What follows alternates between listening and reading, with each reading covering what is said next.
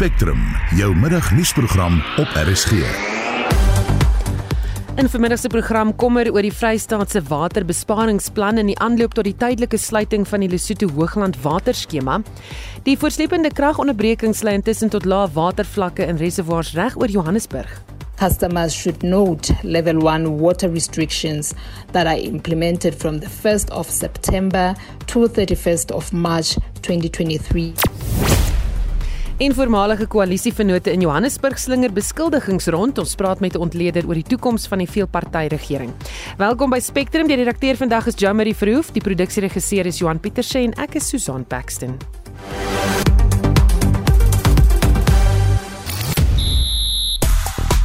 Twee afrigters vir die Protea manspan.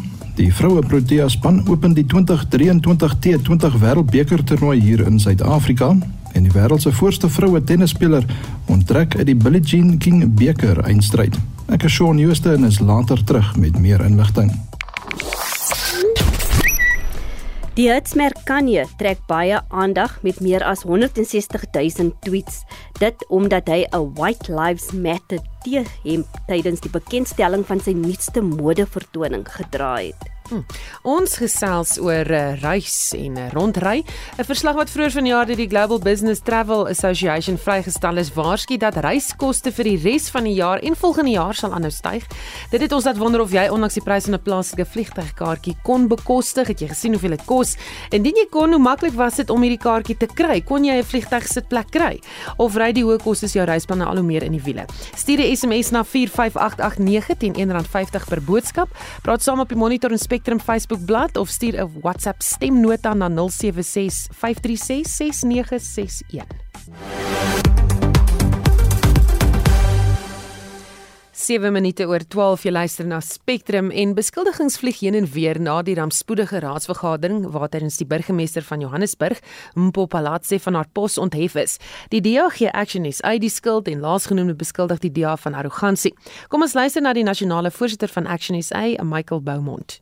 But let me start with the unfortunate business of having to address what can only be described as pathological dishonesty over the course of the last few days. Action SA has watched as we have been labelled somehow as the people who collapsed this coalition government. And this has been the allegations made by the leader of the Democratic Alliance and many of his colleagues. Despite the fact that at Action SA, at every single turn, we have voted with the coalition even when we were in disagreement with the approach taken. This dishonesty is deliberate. It is designed to distract from the question of how this coalition collapsed, and that is why we feel it necessary to come here today to set that particular record straight. Nou ja, dit was die stem van Action SA se nasionale voorsitter, Michael Beaumont en vir meer nou praat ons met die dekaan van Geesteswetenskappe aan Akademia, professor Pieter Dievenage. Goeiemôre Pieter. Goeiemôre Susan. Ek gaan dit nou help vir koalisievennote om beskuldigings rond te slinger. Nee, ek dink nie so nie. Kyk, dis nou maar politiek en uh politiek het sy eie dinamika, maar die werklikheid is nou dat die PA, nee, die Patriotiese Alliansie het eintlik alles veroorsaak. Jy weet, dit help nie Action uh, SA raas nou met die DA en DA is ongelukkig, jy weet, en so aan nie. Die werk mense moet maar gaan kyk wat op die grond gebeur het die ANC en die EFF in die agtergrond het iemand gesoek wat hulle kon help om 'n meerderheid te kry. En lyk like my die PA was die was die groep want hulle het 8 lede en uh, op die raad en die raad bestaan uit 270 en daai 8 saam met natuurlik Colleen Makubele wat nou die uh, speaker is van Cope. Hulle hulle is eintlik die mense wat oorgegaan het en nou is die magsbalans uit die 270 het die ANC EFF en sy vennote 140 van die 270 en die DA 130. Dit is die werklikheid soos dit nou in die raad is. Maar ehm uh, mens sal nou maar moet sien of hierdie nuwe nuwe koalisie enigsins ook uh, uh sal voort kan gaan want uh, ek dink daar is soveel belange en soveel uh dinge wat mense nou wil hê van hierdie nuwe koalisie laat ons maar moet sien wat moet gebeur. Wat het geword van die DA se regspoging om 'n interdik teen die betrokke vergadering te kry? Die hof het bevind dat hierdie aansoek, jy weet, nie dringend was nie, so gaan dit net nog aangehoor word. Wel as 'n nuwe interdik lyk my vandag van die DA, maar my probleem is uh self al gee die hof die DA gelyk dat dit prosedureel verlede week nie goed gegaan het nie. Dan is die dilemma nou net wat ek pas geskets het dat die PA, die Patriotiese Alliansie het oorgeloop weg van die DA af na die uh, ANC EFF toe. En dit teen die wil van die kiesers van die PA, nê? Die PA het eintlik ehm um, hulle kiesers beloof hulle sal nie met die ANC in 'n koalisie gaan nie. En daar is die PA nou in 'n koalisie met die met die ANC. So ek dink ehm um, die DA kan na die howe toe gaan en uh, prosedureel het dit verlede week baie swak gegaan. Uh op daai punt op daai punt kan die howe die DA gelyk gee, maar die magsbalans soos ek dit nou lees in Johannesburg. En dit is my baie jammer want ek het tot verlede week as kommentator nog gedog dat die PA nie hierdie skuif sou maak nie maar die magsbalans is nou in die rigting van die ANC EFF en geen hof sal dit kan verander nie en al gee die hof die DA gelyk oor verlede week sal hom net weer 'n vergadering wees. Uh want ek dink daar is nou soveel dinge vir mekaar beloof aan die nuwe koalisie dat ehm um, dit eintlik jammer is, jy weet, maar dit is maar hoe die politiek werk. Ja, dag in politiek soos jy nou al gesê het, is baie lank. Ehm um, dink jy dat ons weer gaan sien dat daar uh, weer 'n soos tipe van 'n skuif gaan plaasvind as uh, iemand nou nie meer kwaad is vir die DA nie en besluit ons gaan terug na daai koalisie toe? Absoluut. Ek dink ehm um, FG die EFF ANC koalisie 'n baie kort leeftyd. Want ek dink die wat sal ek dit nou noem en ek moet nou diplomaties wees as 'n kommentator die geskarrel na hulpbronne die geskarrel na potensiële stroping uh van die amper 200 miljard rand begroting van Johannesburg gaan nou enorm wees. Uh wie gaan kyk en wie gaan vat? Dis die groot vraag vir my nou by die nuwe koalisie. En die tragiese is die DA koalisie het pas Johannesburg op 'n goeie koers gesit het pas vir Johannesburg ehm um, jy weet uh, nuwe moontlikhede gegee en ek glo dienslewering sou veel beter by die DA koalisie plaasvind dit as die sogenaamde dienslewering wat nou by die ANC en EFF gaan plaasvind. Dink jy die kiesers van hierdie partye gaan hulle later straf vir hierdie optrede? Al die PA se kiesers het verlede jaar vir die PA gekies om nie in 'n koalisie met die ANC te gaan en dit is dit was so verstaan deur die PA en kyk waar sit hulle nou? Nou sit hulle weer knus by die ANC amper 'n jaar later. En mense kan maar net hoop dat kiesers uh, partye sal straf in die toekoms. Want ek dink nie die gemiddelde PA kiezer wou 'n ANC EFF koalisie waarby hulle inskakel nie. Maar lyk my hulle mense in die stadsraad nou met bepaalde uh, kom ons dit nou maar onderhandelinge met die ANC en die EFF mense weet ook nie wat daar plase vind dit nie. Sommige mense sê daar's omkopery en so aan. Ek weet nie.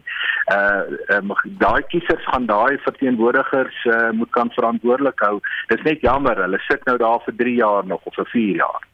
Goed en ons het al hierdie vrae gevra maar ek gaan dit nou weer vir jou vra. Dink jy dat die uh, vertroue tussen mekaar weer herstel kan word daar Ek dink die vertroue kan herstel word, maar ek wil tog 'n kritiese nota ook hier maak oor die DA.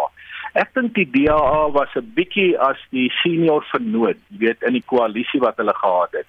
Daar was 'n bietjie arrogansie en het dalk 'n klein bietjie te veel poste vir hulle self gehou, het die ding nie behoorlik ehm um, ehm um, jy weet oopgemaak ook vir die kleiner partye om 'n rol te speel nie. Ek dink hulle het tot 'n groot mate dit gedoen, maar hulle kon nog 'n klein 'n bietjie verder gegaan het. Jy weet toe die speaker kwessie na vore kom, dink ek die DA kon ehm uh, besluit dit uh, saam met die ander koalisievennote, maar kom ons gee dit vir die EFF, jy weet. So uh, dit is daar was moontlikhede vir die DA ook uh, en hulle het ook foute gemaak maar ek dink die alternatief tot die DA koalisie is is is net baie erger as wat die DA koalisie sou gewees het. Baie dankie het gepraat met die dekaan van Geesteswetenskappe aan Akademia professor Pieter Dievenage. Tonnels van die Lesotho Hoogland waterskema sal in 2024 vir minstens 6 maande gesluit wees vir instandhoudingswerk. Drie Vrystaatse munisipaliteite sal hierdeur geraak word, naamlik die Laking, Nkutuani en Mafube.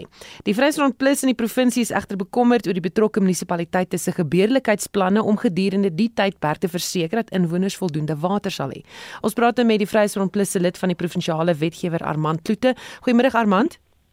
Goeiemôre. Sy vertel ons kortliks. Ons oh, sy vertel ons kortliks wat die beplande instandhouding behels.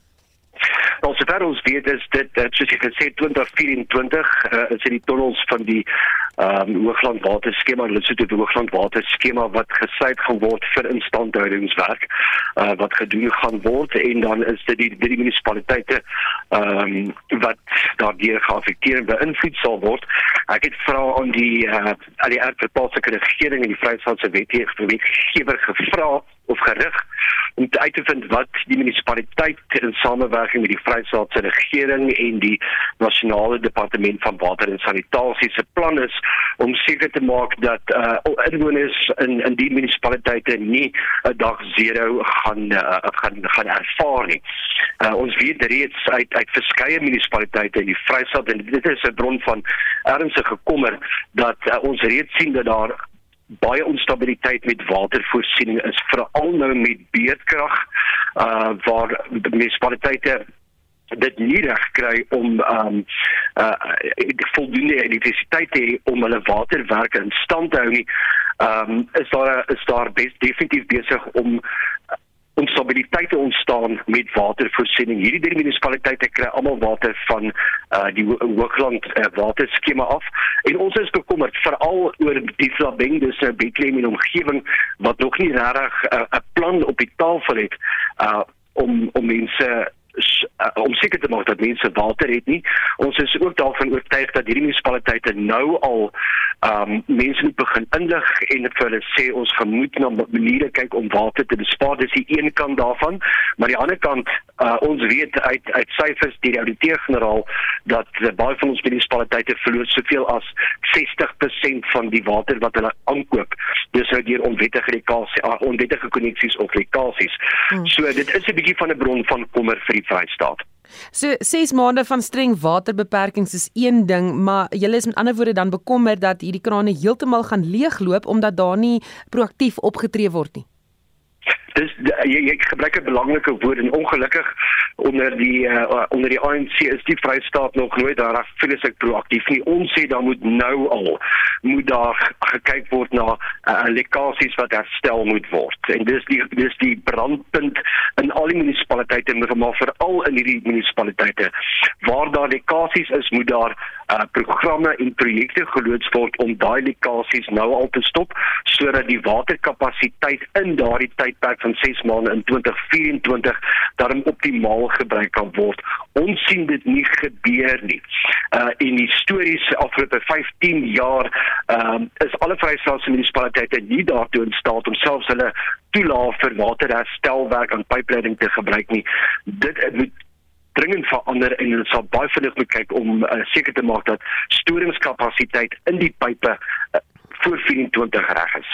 Sê vir my Armand, is jy besig om te werk met die uh, jy weet betrokke departemente in die provinsie en die munisipaliteite om hulle jy weet bewus te maak hiervan?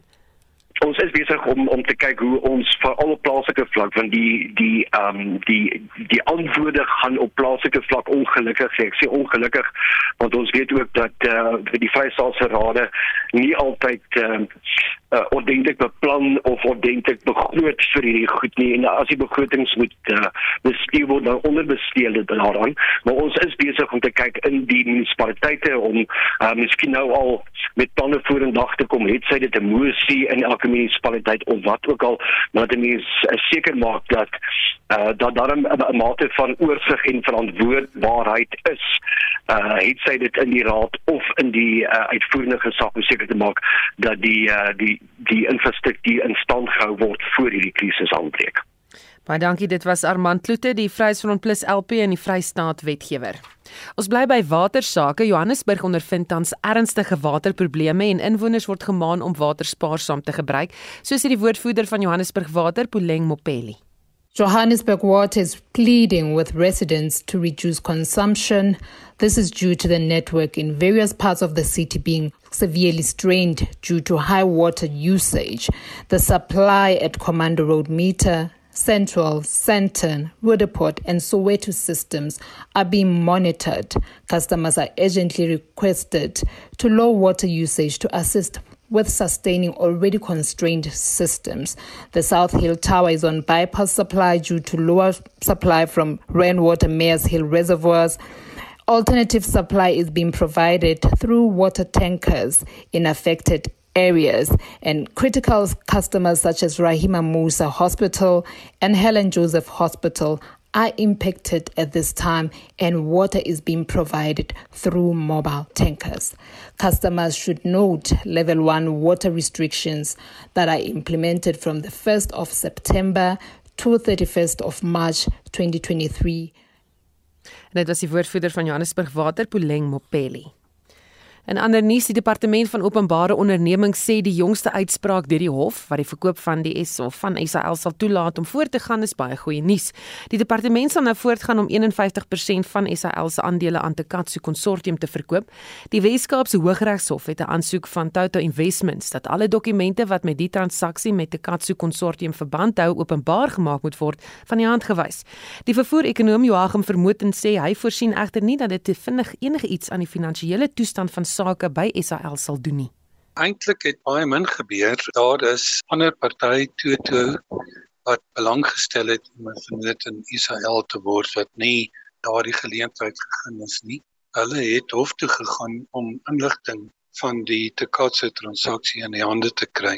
Hulle het op 'n dringende basis gegaan en dit het nie geslaag nie, maar die saak gaan voort in Januarie waar tydens uh, sekere inligting verskaf uh, moet word.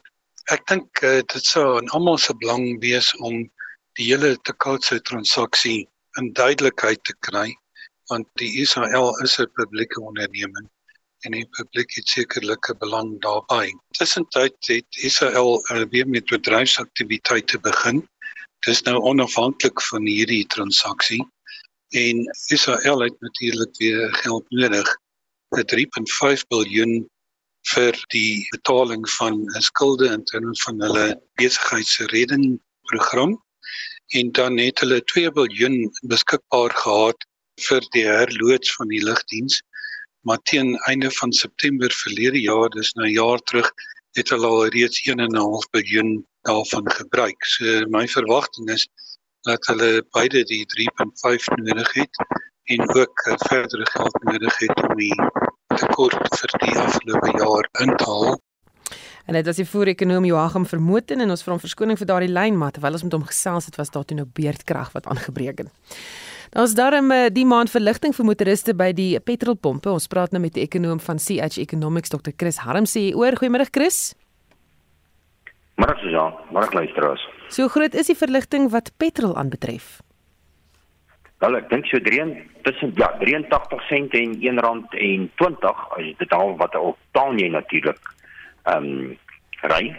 Ehm um, en so dit is die tweede maand agter mekaar dat ons 'n redelike sterk verlaging het in natuurlik uh, die petrolprys wat 'n welkome verligting is.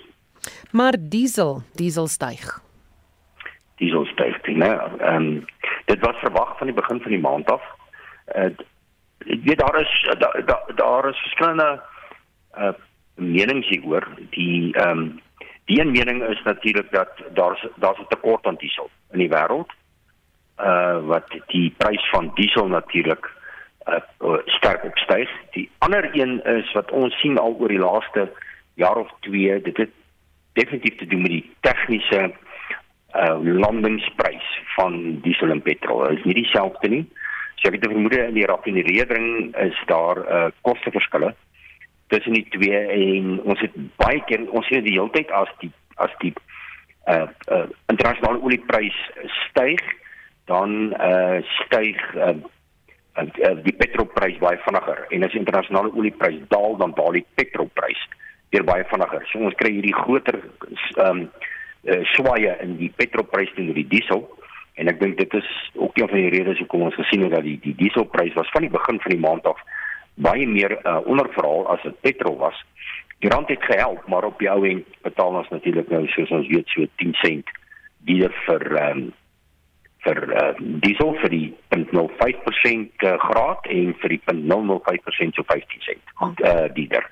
Dit ongelukkig gaan ons uh, nog voel aan ons sakke want dit is byvoorbeeld vervoerkoste vir voedsel. Vervoerkoste vir voedsel? As jy mens eintlik ook kyk na die inflasie mandjie, dan sien 'n mens uh natuurlik dat voedsel styg nou teen 11.5% gestyg in Augustus. Uh en uh Met die swakker rand natuurlik in September is daar alle aanduidings dat dit nog meer gestyg het. So voedsel ons voedselinflasie is is redelik baie hoog, amper dubbel die inflasiekoers. En hierdie natuurlik die dieselprys gaan natuurlik effek daarop hê uh, in die in die langer termyn en natuurlik dan op ander vervoerkoste items ook wat natuurlik in die ketting uh, baie ander um, produkte gaan duurder maak en daarom sit ons met 'n produsenteprys inflasie op die oomblik van die by die 16%. Hm. Met dit dat ons nie ons eie brandstof vervaardig nie, hoe blootgestel is ons aan internasionale probleme? Ja, dan natuurlik uh, op tot 'n groot mate. Ons weet ons het Sasol. Ehm um, Sasol produseer maar uh, dit gebeur net soos wat milies is. Die wêreldprys word sy eie prys. Hy's te klein om die wêreldmark te beïnvloed. Uh, dis is 'n boer wat sy milies verkoop. Ja, mielieprys word in Chicago vasgestel.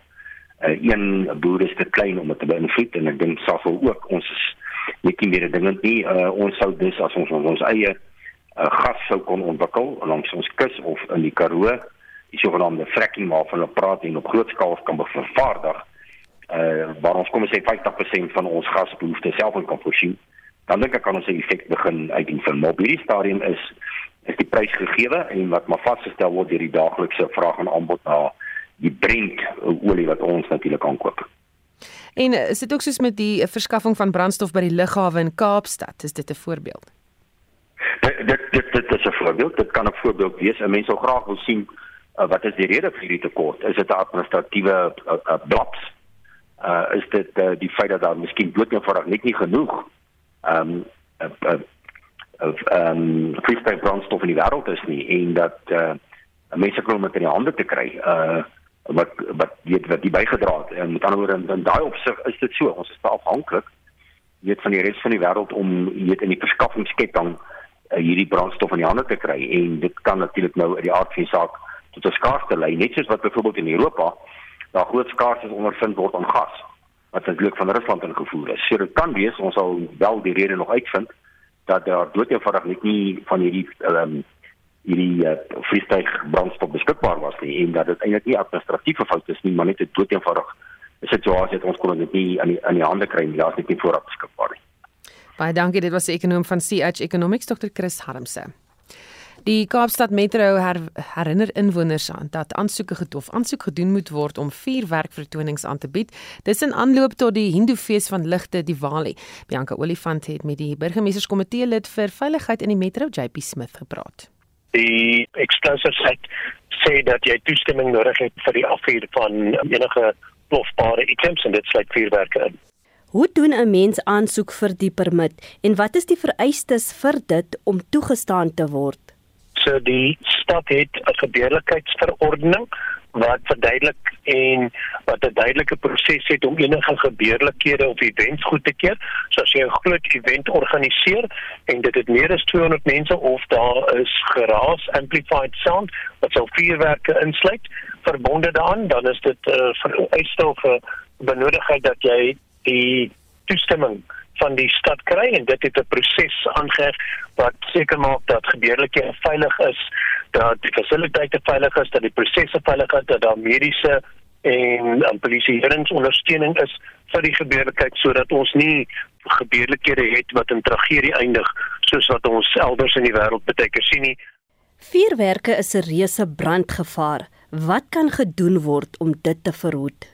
So die belangrike ding is dat dit veilig gedoen word dat die persoon wat die vuurwerke organiseer dit doen met die behulp van 'n uh, professionele persoon wat verstaan wat hulle doen. Daar is mense wat spesialiseer in dit en maatskappye wat vuurwerke veilig kan opstel en gebruik. Ongelukkig sien ons elke keer dat mense nog steeds onwettig vuurwerke gebruik en dan eindig dit gereeld in tragedie met veral kinders selfs volwassenes ook hulle troeteldiere wat beseer word en selfs lewensgevaarlike beserings. Ons sien mense wat se hande en gesigte lewenslank mismaak word of beseer word as gevolg van um, onverskillige gebruik van vuurwerke en ons het gevra dat veral ouers baie versigtig is met hoe hulle kinders vuurwerke gebruik. Wat is die straf vir diegene wat vuurwerke afvuur sonder permitte? So die eerste aspek wat jy moet oorweeg is dat die stad wel die vuurwerke van jou mag wegneem. Ehm um, so dit is die stad sal die onwettig verkoopte vuurwerke van die straat af konfiskeer. En die tweede aspek is dat boetes sal opgelei word van ten minste R5000 vir die onwettige verkoop of gebruik van vuurwerke. Um, as jy uh, eiendom gaan beskadig of onverskillig gaan optree, mag dit selfs ook lei tot 'n arrestasie wanneer daar saakbeskadiging is. Is daar sekere gebiede waar mens glad nie mag afvuur nie, soos byvoorbeeld sekere woongebiede? So jy mag nêrens in die stad vuurwerke afvuur nie. Uh uh, as jy nie um, toestemming gekry het in terme van die Explosives Act en van die stad nie. So dit is geensins moontlik om informeel net vuurwerke af te skiet soos wat 'n persoon goeddink nie, selfs nie eers in jou eie eiendom nie. Uh, jy is besig om 'n nasionale wetgewing en die stad se verordeninge te oortree. En dit was JP Smith, burgemeesterskomitee lid vir veiligheid en Bianca Olifant het met hom gepraat. Jy luister na Spectrum op RSG. In die North Korea's actions, including the repeated ballistic missile launches, are a threat to the peace and security of our country, region, and international community. These missile launches violate the Security Council resolution. Kommer en verontwaardiging nadat Noord-Korea 'n ballistiese missiel oor Japan afvuur.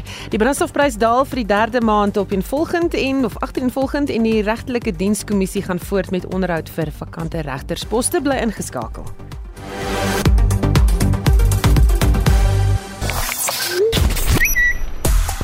Sosiale media gebruikers praat oor die waterdruk wat laag is in groot dele van Johannesburg. Dit is weens die groot vraag na water wat reservoirs laat leegloop. Ja, hier so by ons het ons ook 'n probleem glad nie water in die gebou nie. Miskien kan jy ook daar gesels met ons. Jy kan vir ons 'n SMS stuur daaroor en sê uh, waar het jy nie water nie en of dit jou uh, beïnvloed en selfs oor die res van die land. Ek weet welkom alweer nie water nie. Riebeek stad wat uh, se krane droog geloop het daar. Kan dalk wees in die kragonderbrekings. Intussen praat ons oor vliegtuigkaartjies en hoe duur dit is en of jy nog kan reis as gevolg daarvan. En ek sien 'n luisteraar wat sê dis Elsie Kerstyn Pieterse. My broer moes Sondag met die bus Kaap toe ry. Die bus was 5 ure laat. Ons het intussen probeer om vliegtuigkaartjies te koop. Die goedkoopste in hoofletters sê sy was R6700 en vlugte was almal vol bespreek. Hy het maar gewag en het maar die 22 ure lange busrit deurgesit. Dis onmenslik. Dirkie Miller wat sê die reiskoste hou my op die wiele, so ook die halte van onderhoudswerk. Vliegtuig enjins val dan sommer op die aanloopbaan af hier in Afrika. Rex Bester wat sê ai hoe lekker reiskabinetslede op ons belastingbetalers se rekening lekker man. En Elsa van Staden in Joubert sê dit is jammer en hartseer van ons is genoodsaak om per vliegtuig te reis met kinders wat in die buiteland is. Dit voel vir my vliegtuigkaartjies buiteland toe is goedkoper as om plaaslik te vlieg. As jy na Nigerië toe wil vlieg het ek vroeër gaan kyk betaal jy so R9000 so tussen R6700 en R9000 dink ek moet ek dalk vir iemand in Nigerië gaan kuier vir vir my na 'n beter koopie. Ehm um, iemand wat sê is Anna wat sê my seun is Sondag aan terug FSA toe. Hy sou gisteraand begin werk het. Hy het eers vanoggend in daar geland as gevolg van Kaapstad lughawe wat te min brandstof gehad het. Toe moes hulle eers Johannesburg toe vlieg. Al dis hartseer en ons gewone mense staan met skaamte oor die swak diens baie toeriste kom steeds nie na Suid-Afrika nie as gevolg van hierdie geboortesertifikaat sage. Erge ons land net bly verloor sê sy. En nog iemand wat sê ek woon twee troues by in Johannesburg en in Kaapstad. Twee naweke na mekaar en met vanaf KwaZulu-Natal reis. Dis goedkoper om te ry Kaapstad toe van KwaZulu-Natal af as om te vlieg en ons slegs een lugredery wat vlieg. En dan uh, sien ek dit Johan ook vir my vertel hy het pas so R6700 uitgehaal om iemand te laat uh, vlieg Kaapstad toe. Is onmenslik en dis een dis net dis nie 'n roetiervlug nie. Dis net 'n so een rigtingkie net Kaapstad toe. Dis sy skoonma. Hy gaan daar los vir ewig. Ek het my. Gesels nog saam. Dalk het jy nog vol stories oor hierdie reis en uh, hoe dit jou kos en of jy nog kan reis as gevolg van al hierdie kostes. So tyd vir sportnuus hier Shaun Jooste. Cricket Suid-Afrika se direkteur van cricket Enoch Nkwe sê die Protea afrigtingspos sal in twee verdeel word. Hulle is op soek na een afrigter vir die toetspan en een afrigter wat die witbal formaat kan hanteer. Die huidige Protea afrigter, Mark Belger, verlaat sy pos aan die einde van die T20 Wêreldbeker toernooi in Australië wat tussen 16 Oktober en 13 November gespeel word. Nkwe sê die poste sal adverteer word. Die datums en tye vir al 23 wedstryde van die 2023 vroue T20 Wêreldbeker toernooi wat hier in Suid-Afrika plaasvind is gister bekend gemaak. Suid-Afrika open die toernooi op 10 Februarie op Nieuweland in Kaapstad teen Sri Lanka. Kaartjies is reeds beskikbaar en begin vanaf R60. Daar is afslag vir skooliere en pensionaarsse en kinders onder 6 het vrye toegang tot alle stadions. Suid-Afrika is in groep A saam met die Sri Lankane, Australië, Nieu-Seeland en ook Bangladesh. Die eindstryd vind op 26 Februarie ook op Nieuweland in Kaapstad plaas. Onthou gerus Indië en Suid-Afrika se manspanne pak mekaar vanmiddag van 04:30 af in die derde en laaste T20 wedstryd van hulle reeks. Die tuisspan loop 2-0 voor. Al vier Suid-Afrikaanse spanne is heidaglik onder die top 8 op die Verenigde Rugby Kampioenskappe se punteleer. Die Bulls is tweede op 14, Stormers vierde op 10, Sharks vyfde op 9 en die Lions sewende ook op 9 punte. Die eerste span Leinster is die voorlopers op 14 en hulle landsgenote Ulster is derde op 11 punte. Max Verstappen is nou nie oor die naweek as Formule 1 kampioen vir 2022 gekroon nie, maar saam met Red Bull domineer hy steeds die punteleer. Die Nederlander het 341 punte agter sy naam met nog 5 rondes wat oorbly. Ferrari se Charles Leclerc van Monaco is tweede op 237 en Verstappen se spanmaat Sergio Perez van Mexico derde op 235 punte. Op die vervaardigerspunteleer het Red Bull 576, Ferrari 439 en Mercedes 379 punte. Op die sokkerveld is die Engelse Premierliga ook die naweek hervat en ons kyk gou na die punteleer. Arsenal is die voorlopers op 21 punte na 8 wedstryde met Manchester City tweede op 20, Tottenham Hotspur derde op 17 en Brighton Hove Albion vierde op 14 punte. Die wêreld se voorste vroue tennisspeler het uit die Billie Jean King beker eindstryd onttrek. Iga Swiatek het gister aangekondig dat sy Pole nie by die toernooi gaan verteenwoordig nie, dit is weens 'n oorvol skedule en swak beplanning deur die ITF en WTA. Swiatek neem reeds aan die WTA toerfinale in Texas tussen 31 Oktober en 7 November deel en die Billie Jean King beker eindstryd begin 'n dag later op 8 November in Skotland. Dit was Shaun Jooste van ons sportredaksie.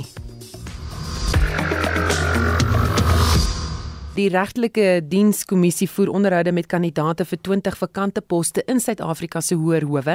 Die onderhoude het gister afgeskop en duur tot volgende week Maandag. Ons verslaggewer, Zoleka Kodasi, sluit nou by ons aan vir meer oor vandag se verrigtinge. Good afternoon, Zoleka. Good afternoon and good afternoon to the listeners. So what has happened today? Well, um, today we have been at um, in Sankin, where the Judicial Service Commission is conducting interviews for um, five positions within the Supreme Court of Appeal in Bloemfontein in the Free State. So today we heard started proceedings started at nine o'clock, and we heard from Judge um, Smith, um, Judge uh, uh, uh, John Smith that is, and um, Judge um, Sulet Porterhill, uh. And essentially, they were um, um, being interviewed by the JSC um, on um, their suitability for the um, positions in the Supreme Court um, of Appeal. Um, essentially, the common thread that has been running through um, the questioning of these um, judges and we saw it yesterday as well. Yesterday we heard from um, about six judges. Um, and essentially, the common thread that is running through the interviews is um, transformation and the um, representation of women within the judiciary. And so that is some of um, the, those are some of the things that have been coming out. Also, in um, relation to um, judgment writing, we know that within the lower courts and the Supreme Court um, of Appeal. There's a difference in judgment writing, and essentially the candidates being grilled on their ability to write judgments. And we know that a number of them have acted actually um, in the Supreme Court of Appeal, and um, Judge. Um, um, uh, Sulet Porterville actually also um, having served four terms um, as an acting judge in the Supreme Court of Appeal. So we've heard from a woman today, and that is um, the first candidate, and we have heard from um, Judge Smith. Um, as well as Judge um, Veli, um, who has also appeared before the commission. So, what will happen now? Um, now um, we are expecting that um, after the interviews of the um, Supreme Court of Appeal have been concluded, we will um, see um, an interview from uh, for the Competition Appeal Court, um, and they are looking for a judge president, but that will be in um, the afternoon towards the late afternoon, and then we will see deliberations from the JSC. Baie dankie, dit was die verslaggewer Zoleka Kodashi. In 'n ongekende stap het die Noord-Koreaanse militêre magte 'n ballistiese missiel op Japan afgevuur. Dit is in weerwil van 'n resolusie van die Verenigde Nasies se Veiligheidsraad. En ons praat nou hieroor met 'n senior dosent in politieke studies aan die Universiteit van die Vrystaat, Dr. Eben Kutse. Uh, Goeiemôre Eben. Uh, Goeiemiddag Susan, hoe gaan dit? Met my gaan dit goed, maar ek dink Japan is baie kwaad. Wat is die diplomatieke implikasies van Noord-Korea se optrede? Ehm um, Susan, ek dink die eerste ding jy dit nou noem, toe val dit my net by om te sê dis 'n ongekende stap. Ehm um, dit is eintlik glad nie 'n ongekende stap nie. In 2017 ehm um, toe die FSA Suid-Korea en Japan ook 'n militêre oefening ehm um, uitgeoefen het, het uh, Noord-Korea ook twee missiele uh, ehm um, geloods waarna hulle ehm, 'n um, kerntoets uitgevoer het. Dis so 'n hele reeks van gedrag van Noord-Korea wanneer die FSA in hulle gebied inkom. So my eerste ding wat ek wil noem is 'n slat nie ongekend of ongewoon van Noord-Korea om so op te tree. Ek dink die diplomatieke ehm um, uitkoms op die ou gaan wees dat ons sien dat Japan en eintlik sien ons dit alreeds begin uitspeel. Japan raak al hoe meer militaristies. Hulle begin al hoe meer ehm um, daarop aan te dring dat hulle 'n reg het tot selfverdediging en maar maar veel meer is dit. En dit was nog altyd deel van die, Jap die Japaneese grondwet, maar dat hulle ook moet begin dink aan aan vergeldingsmaatreëls en dan begin ons nou al hoe meer te praat van die moontlikheid van nog kernwapenstate in die wêreld. So op die kort termyn dink ek nou gaan veel gebeur nie. Ehm um, maar lanktermyn dink ek want ons sien al hoe meer Suid-Korea, Australië self Taiwan self en dan natuurlik nou Japan begin te praat in die rigting van mm, miskien miskien moet ons dit oorweeg om 'n uh, bietjie 'n uh, uh, groter militêre slaankrag te kry en uiteindelik miskien die moontlikheid van kernwapens. So dis maar wat ek sou sê. Ek dink jy daar's 'n 'n korttermyn diplomatieke ehm um, iets en wat gaan gebeur nie. Dit is gaan nie gewone veroordelings wees soos wat die die FSA klaar gedoen het. Ehm um, op die einde van die dag, wat kan hulle in elk geval doen? Ehm um, as jy veel uh, Noord-Korea het alreeds soveel sanksies teen teen hulle en ehm um, maar 'n land wat vasberade is om vir sy veiligheid te sorg. Ehm um, min state gaan so 'n land keer. Hmm. Ek wou nou vir 'n vrou, uh, weet ja, hy klaar baie sanksies teen hom, maar wat kan die VN nog doen? Wel, my my eerlike opinie is dat die VN eintlik 'n baie beperkte organisasie is. Ehm um, en en soos ek genoem het, daar's da resolusie op resolusie teen um, Noord-Korea en in die land self, uh, die die weermag, die bevolking steier eintlik maar onder armoede. Maar die ding is, daar is ook geldige veiligheidsredes vir Noord-Korea hoekom dit doen wat dit doen. En ek praat glad nie, maar daar is geldige veiligheidsredes.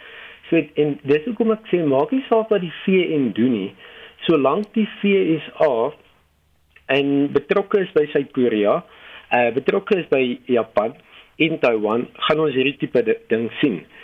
Ehm um, so so daar's eintlik nie veel wat die VN kan doen nie. 'n Land wat soos ek gesê het vasbeslote is om om 'n kernwapenpad te stap soos Noord-Korea gedoen het. Min min lande en en en definitief geen internasionale organisasie gaan hulle gaan hulle keer nie. Hmm. So hulle wil eintlik Noord-Korea wil eintlik 'n reaksie uitlok hier. Die ding is hulle kommunikeer eintlik net op 'n baie duidelike manier vir die FSA, vir Suid-Korea en Japan dat hulle nie hiervan hou nie. Die die die ander deel van ek het nogal ehm um, in die in die in die bestudering van die internasionale politiek is daar 'n konsep, die security dilemma, die veiligheidsdilemma. En dis 'n klassieke voorbeeld daarvan. Noord-Korea doen wat Noord-Korea doen want hulle sien die FSA, Suid-Korea en Japan as 'n bedreiging. Maar die ander drie state op hulle beurt sien nou weer Noord-Korea as ehm um, as uitlokkend. So jy hierso 'n uh, uh, soos wat hulle Engels sê 'n spiral waar die een se aksies lei tot die ander een se reaksies en dis 'n amper 'n 'n 'n nommer einde eindigende ehm um, siklus waarin hulle self bevind. Mm. Ehm um, en dit en dis die dis die probleem, maar ek moet ook dit bynoem. Ek sien glad nie die gevaar van dit wat Noord-Korea doen nie. Ehm um, dit is ek ek weet baie waarnemers skrik as hulle die goed sien, maar dis glad nie iets om oor slaap te verloor. Ehm um, goed die iets wat die die media doen is dit dit sien hierdie goed en dan plaas dit so aan. Maar soos ek sê, en Noord-Korea het eintlik sedert 2006 baie meer vreedsaam begin raak mense moet nou onthou in Hierso in die uh, uh, voor 2006 het Noord-Korea Suid-Korea uh, die Suid-Koreaanse presidentsvrou uh, vermoor. Uh en en sulke uh, sluipmoordaanvalle. Daar was aanvalle op Suid-Koreaanse skepe. Um, maar het dit begin om self bevestig het of vestig het as 'n kernwapenstaat het dit het dit eintlik begin meer uh vreedsaam raak. Al is daar nog baie toetse, ballistiese toetse en en en en so aan, maar in in die geheel gesien ehm um, is Noord-Korea eintlik glad nie 'n probleem nie. Die die feit dat dit optree soos dit optree, wys eintlik vir my sy swakheid, nie sy sterkheid nie. Ja. Want, want hy kan nie te veel doen. Dit 'n weermag wat in in groot is in getal, maar eh, in werklikheid ehm um, niks beduidend is ja. nie. Baie dankie. Dit was Dr. Eben Kutse, senior dosent in politieke studies aan die Universiteit van die Vrystaat. Renet Meyer het in 1990 as leerling-inspekteur by die Bloemfontein Dierebeskermingsvereniging aangesluit. 32 jaar later staan sy nou aan die hoof van inspekteurs landwyd.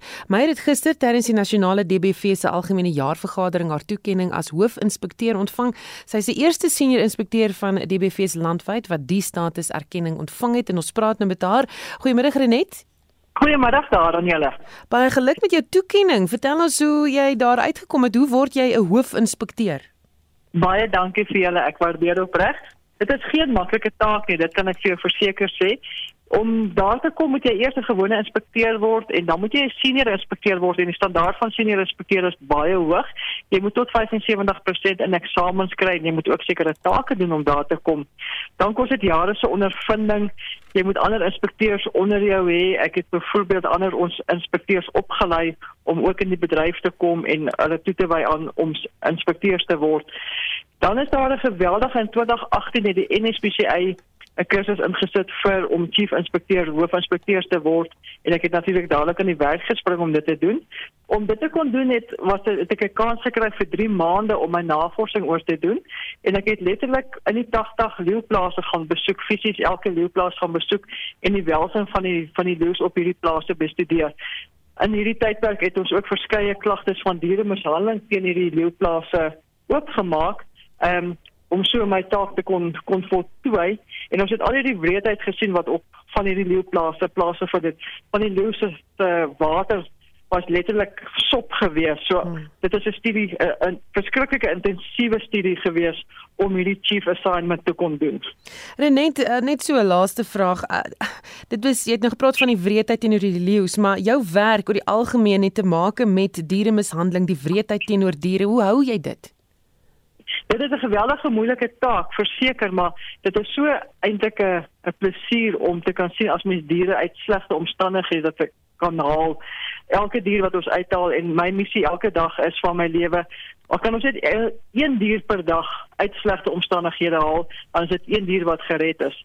So absoluut, dit is wonderlik, dit is bevredigend om diere te kan help uit slegte omstandighede en uh, ons sal dit vir ewig doen. En ek moedig alle inspekteurs aan reg deur die land om voort te gaan met hulle belangrike taak wat hulle het elke dag om te doen. Baie dankie. Dit was die hoofinspekteur van die DBV, Renet Meyer, wat pas 'n toekenning ontvang het as eh, 'n uh, hoofinspekteur daar by die DBV en sy is die eerste senior inspekteur van DBV se landwyd. Die saak is aangebied deur Renier van Sail portefeulje bestuurder by Efficient Private Clients. Goeiemiddag Renier. Goeiemôre Jean en uh, so kan almal wat in Lysberg. As ons wegspring met die plaaslike mark, dan sien ons dat ons uh, lekker sterk dag het op die plaaslike beurs. Die alle aandele indeks is hoër met so 2.5% vir die dag. Hy word hoofsaaklik hoër gedryf deur ons hulpbronne, wat is met 2.8% en dit natuurlik as gevolg van 'n sterker rand. Dan sien ons ook dat ons banke skottopsake op met sy 1.5%. As ons dan kyk na die grootste wenners vir die dag, is Northern Platinum op met meer as 8% en Anglo Platinum, nog 'n mynboumaatskappy, is op met so 7.3%. Aan die ander kant van die muntstuk is die industriële groep Transaction Capital laer met 1.7% en RCL Foods is laer met 1.2%. Soos ek genoem het, het die rand versterk van vanoggend te vlakke. Hy staan op so 17.76 teen die dollar. Die prys van goud is 1% sterker op 1 1709 dollars per fyn ons en ons sien ook dat die prys van Brent olie ook sterker is 89 dollars 73 per vatjie Brent. Nou die Amerikaanse markte het gisteraand in die groen gesluit en meeste Europese markte verhandel ook op die oomblik in die groen en dit is my storie vir vandag. En dit was Renier van Sail portefeulje bestuurder by Efficient Private Clients.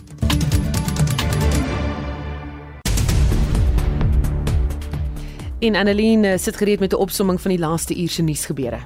Ja, Susan, beskuldigings vlieg tussen die DA en sy koalisievennote in Johannesburg nadat die burgemeester Dr. Mpo Palatse en die spreker Vasco da Gama uit die kussings gelig is. Ons het professor Pieter Dievenage, die dekaan van Geesteswetenskappe aan Akademia gevra wat die nuwe koalisie se rakleeftyd is.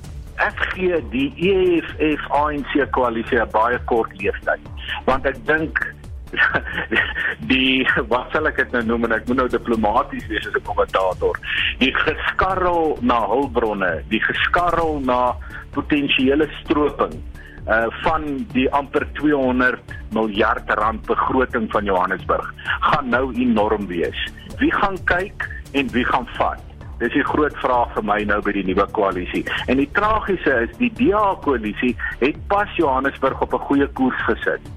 Johannesburg Water het 'n pleidooi tot sy inwoners gerig om water spaarsaam te gebruik. This is due to the network in various parts of the city being severely strained due to high water usage. The supply at Commander Road Meter, Central, Sandton, Roodepoort, and Soweto systems are being monitored. Customers are urgently requested to lower water usage to assist with sustaining already constrained systems. The South Hill Tower is on bypass supply due to lower supply from rainwater Mares Hill reservoirs. Alternative supply is being provided through water tankers Johannesburg is nie die enigste munisipaliteit wat waterprobleme in die gesig staar nie. Dit omdat tonnels van die Lesotho Hoogland waterskema in 2024 vir 'n paar maande gesluit sal word vir instandhoudingswerk. Die Aleng, Kotwane en Mafube sal geraak word. Die Vryheidsfront Plus is bekommerd oor die betrokke munisipaliteite se gebeurlikheidsplanne. Die Vryheidsfront Plus se lid van die provinsiale wetgewer, Armand Kloete ons is besig om te kyk in die munisipaliteite om miskien nou al met tande voor in dag te kom het sy dit 'n moesie in elke munisipaliteit of wat ook al maar dit is seker maak dat dat daar 'n mate van oorsig en verantwoordbaarheid is uh, het sy dit in die raad of in die uitvoerende gesag om seker te maak dat die infrastruktuur in stand gehou word voor hierdie krisis aanbreek Die Kaapse Metro het beklemtoon dat inwoners aansoek sal moet doen om vuurwerkvertonings aan te bied. Dit in die aanloop tot die Hindufees van ligte Diwali en Guy Fawkes vieringe in November. Die burgemeesterskomitee lid vir veiligheid, JP Smith, het die volgende gesê: as jy 'n groot event organiseer en dit het meer as 200 mense of daar is geraas amplified sound wat sou vuurwerke insluit verbonde daaraan dan is dit 'n uh, vereiste of 'n benodigheid dat jy die toestemming van die stad kry en dit het 'n proses aangeheg wat seker maak dat gebeurlikhede veilig is, dat die fasiliteite veilig is, dat die prosesse veilig is, dat daar mediese en um, polisieerings ondersteuning is vir die gebeurlikheid sodat ons nie gebeurlikhede het wat in tragedie eindig soos wat ons elders in die wêreld baie keer sien nie. Dit was die Kaapse burgemeesterskomitee lid vir veiligheid JP Smith. En dit was Annelien Moses met 'n oog op die laaste uur se nuusgebeure. Ek sien Kobe het laat weet vir twee tiervisse gevlieg na Mosambiek. Hulle het R8000 gekos. Dit was twee duur tiervisse sê hy of twee spesiale tiervisse. Ek is nie seker hoe daarna wil kyk nie. En dan sê nog 'n luisteraar dat uh um, ek het uh, gevlieg van af, lyk like dit vir my, daar spring skerm. Durban Oos-London toe gevlieg. Die kaartjie was net so oor die 2000 retour. Glad nie te sleg nie so 2 weke gelede wat die persoon sê hulle gevlieg het. Dit klink glad nie sleg nie. Gesels nog saam op ons Monitor Spectrum Facebook bladsy oor hierdie kwessie. Vertel ons hoe reis jy of jy enigstens kan reis met hierdie duur vliegtuigkaartjiepryse. Vorige uitsendings van al ons nuusaktualiteitsprogramme is op rsg.co.za beskikbaar. daarmee groet die Spectrum span. My naam is Susan Paxton. Geniet jou middag.